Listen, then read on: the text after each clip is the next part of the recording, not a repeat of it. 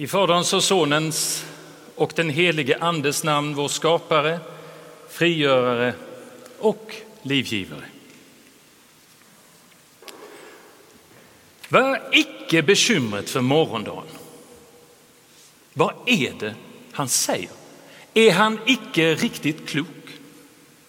Här står vi och ser eftersvallningarna av det kalla kriget med dess kärnvapenhot transformeras till ett globalt fragil värld där nya politiska och militära allianser aktiverar förut okända och högst reella hot mot världsfreden.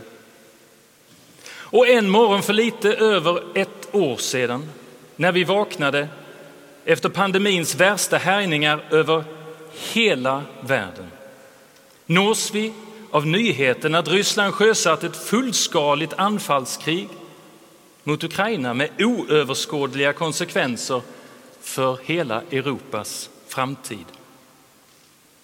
Samtidigt som detta pågår ropar forskare från hela världen så högt de kan tillsammans med den yngre generationen som fortfarande har ögon att se med och en framtid att hoppas på att vi befinner oss i ett aldrig tidigare skådat akut läge där den mänskliga påverkan på klimatet håller på att undergräva vår egen och alla andra levande varelsers existens. Och som om icke detta var nog, för att få tårarna att rinna i samma takt som livsmodet sjunker, blåses det i ännu en basun av andra forskare och experter som alla gemensamt bönar och ber regeringar och företag att stoppa utvecklingen av artificiell intelligens innan maskinerna får sådan kraft och sådan makt att vi som sitter här idag knappast kan hoppas på att överleva den kommande apokalyps som får katastroferna i Johannes åpenbaring att framstå som harmlösa sagor för barn. Och mitt i allt detta, i Skandinavien, står det vilsna själar som i sitt blinda förakt för sin nästa inte förstår vad de gör när de bränner heliga skrifter utanför heliga platser och framför andra länders ambassad. Var icke bekymret för morgondagen. Dessa ord är i vår tid oerhört provocerande. Är det inte just de i historien som faktiskt har bekymrat sig för morgondagen som har bidragit till att lösa till synes oöverstigliga problem? Låter inte Jesus här lite grann som de falska profeterna vi läser om i Gamla testamentet som kritiseras av Guds egna profeter för att invagga folket i lugn och ro att fortsätta sina liv som om ingenting hade hänt trots att främmande krigsherrar på väg i deras riktning redan syns vid horisonten. Eller som de politiker som idag på olika håll i världen lanserar alternativa fakta och ljuger sina medborgare rakt upp i ansiktet och försäkrar att ingen fara är å färde. Det är inte krig, det är bara en specialoperation. Det är inte klimaändringar, bara helt normala väderskiftningar. Bry er inte om vad som sägs, bara fortsätt att leva precis som om ingenting har hänt. Var icke bekymret. Och vem kan säga Gör dere icke bekymringar och säg icke vad ska vi spisa eller vad ska vi dricka eller vad ska vi klä oss med. Vem kan säga detta till dem som till följd av krig och klimaändringar är utan mat och dryck och svälter ihjäl. Vem orkar höra på sådant? Vad gör vi med sådana texter? Sluta att läsa dem? Inom eh, judendomen finns en tolkningstradition ända sedan senantiken som menar att det är just i de obegripliga texterna där Gud uppenbarar sig på ett speciellt sätt. Det kan vara allt från vad som tycks vara självmotsägelser till språkliga egenheter. Just där, där det obegripliga finns, må man stanna upp och inleda ett samtal med andra och bibeltexten för att söka Guds vilja. Det som Gud vill säga människan. Och det, det är ett gott råd också till oss. Låt oss därför inte otåligt skynda förbi texter som vi inte förstår eller icke tycker om. Eller strunta i det som vi inte orkar höra på. När vi blir provocerade av texten, låt oss istället stanna upp, inleda samtal och tillsammans söka Guds röst i det obegripliga. För svaren vi söker ligger icke bara i någon speciell konklusion men än mer i processen, i samtalet där vi ser varandra och stegvis lär oss lyssna också till det som icke sägs. En predikan är en inledning till ett sådant samtal men kan aldrig vara hela samtalet. Jag tänker att det i dagens evangelium ligger särskilt två centrala insikter förborgade som är menade att ge riktning åt livet och glädje i vardagen, även när den är tung. Den första handlar om ett slags perspektivförskjutning, om att ha ett odelat hjärta och kunna skilja på vad som skapar inre fred och vad som ger oro mitt i allt omkring oss. Ingen kan tjäna två herrar. Dere kan icke tjäna både Gud och mammon. Dere hänger sedan tätt samman med det andra som kommer i slutet av texten. Sök först Guds rike och hans rättfärdighet så ska dere få allt det andra i tillägg. Låt oss börja med det odelade hjärtat. Vad betyder det egentligen? Det förutsätter att det finns ett val. Men också att vi må sätta hela vår lit till att vi icke är ensamma när problemen hopar sig runt oss.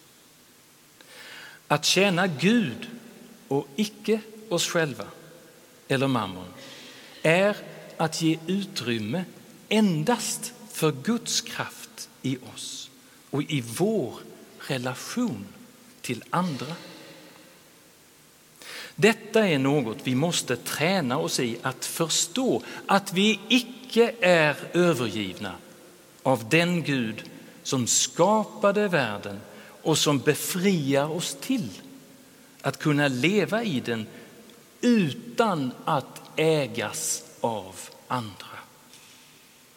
Varken av människor eller andemakter. Vi är icke någons slavar, varken i det yttre eller i det inre.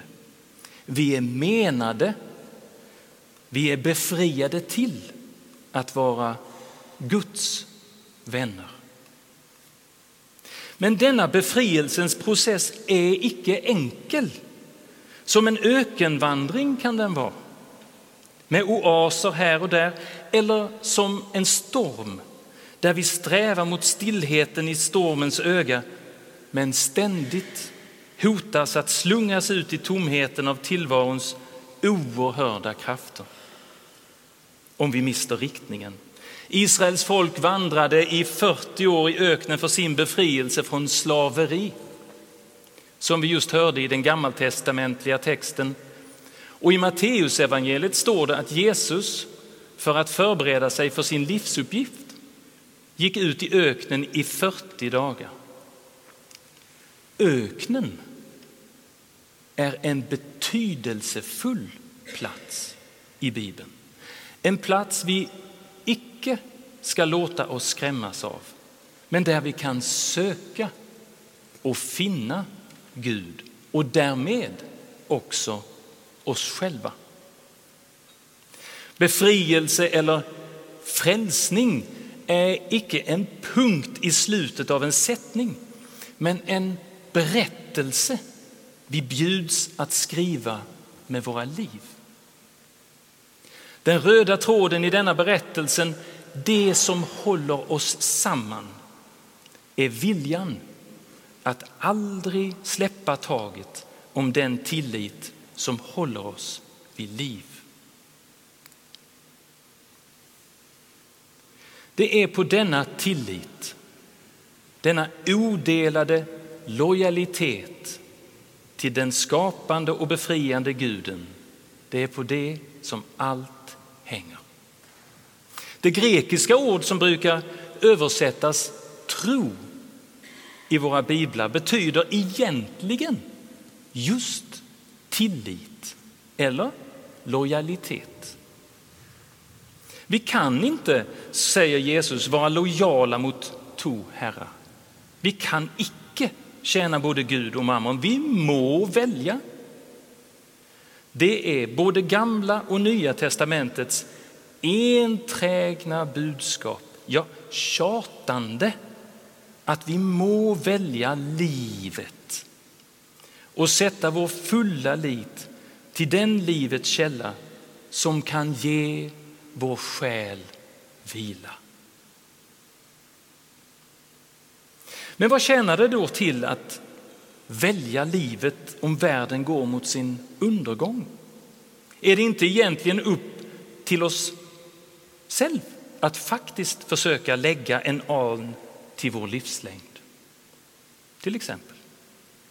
Jag tänker att denna motsägelse bygger på ett missförstånd. Att vi ser på religion som något vi gör som individer och gärna på söndagar. Jesus uppmanar oss med all kraft. Sök först Guds rike och hans rättfärdighet. Så skall dere få allt det andra i tillägg. Men vad är då egentligen Guds rike? Det må vi ju veta om vi ska kunna söka det. Och om vi vill söka det, hur söker vi det? För att kunna identifiera Gudsriket må vi ta steg utanför dagens texter, men det är icke svårt att finna ledtrådar på andra ställen i Bibeln. I saligprisningarna i Matteus evangelium till exempel, som inleder Jesu bergspredikan.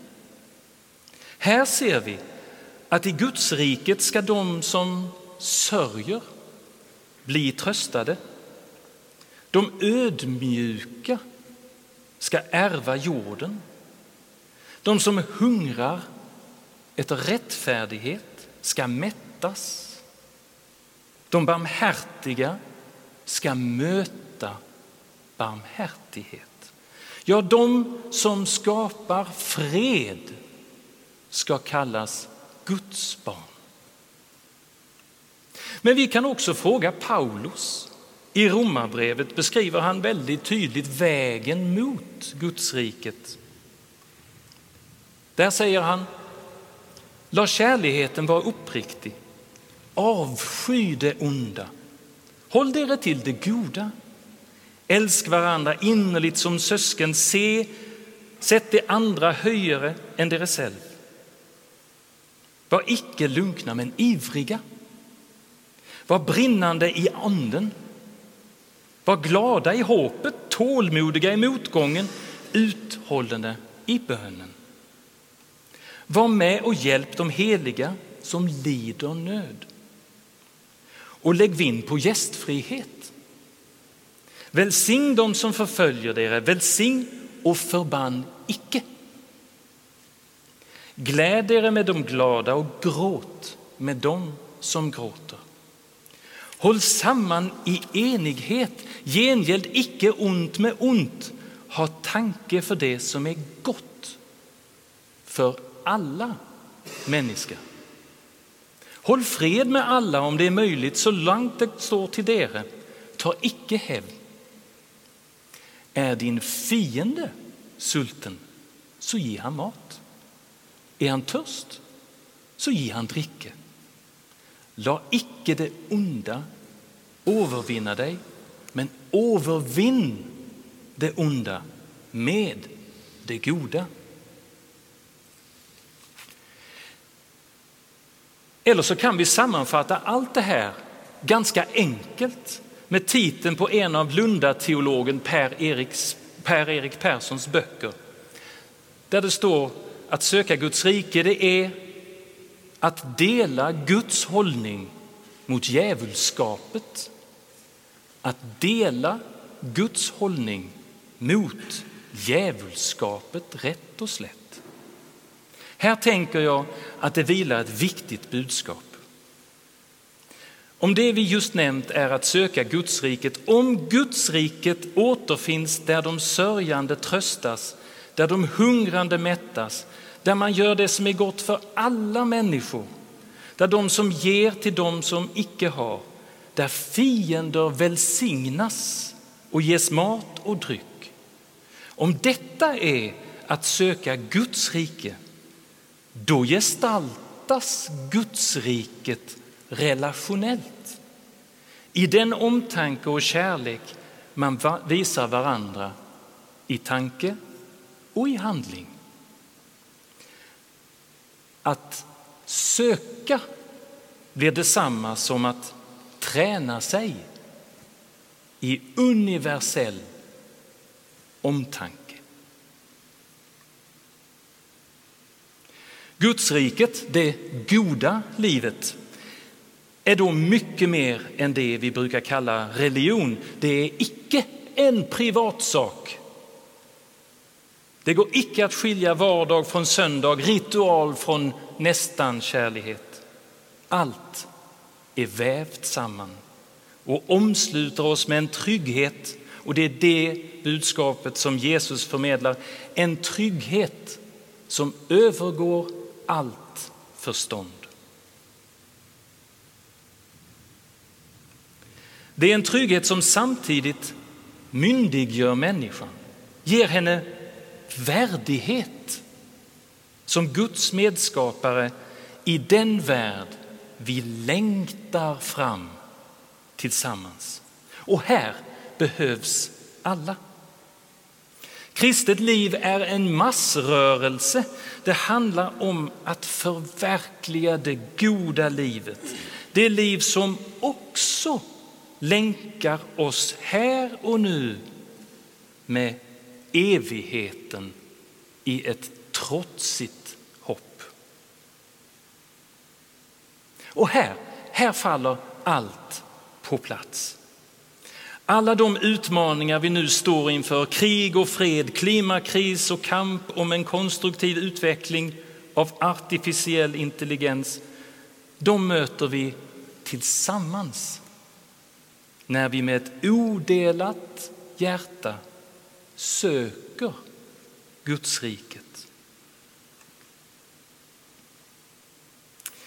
Till er som eh, nu börjar en ny semester vid högskolor och universitet en särskild tanke och ett tack för att ni tar er an utmaningen att nå ny kunskap och nya färdigheter som kommer oss alla till del. Och om ni hamnar under er studietid i en ökenvandring, var icke oroliga, bekymra er icke, utan ta den tid ni behöver för att finna fram. Ja, kanske då inte 40 år som GT talar om.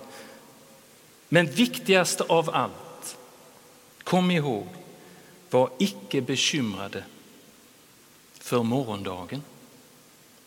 Sök ständigt med ett odelat hjärta först Guds rike och hans rättfärdighet just där dere är.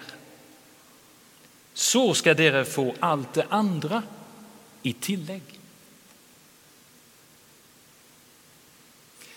Må Guds frid, som är mera värd än allt vi tänker, ge våra hjärtan och våra tankar skydd i Kristus Jesus. Amen.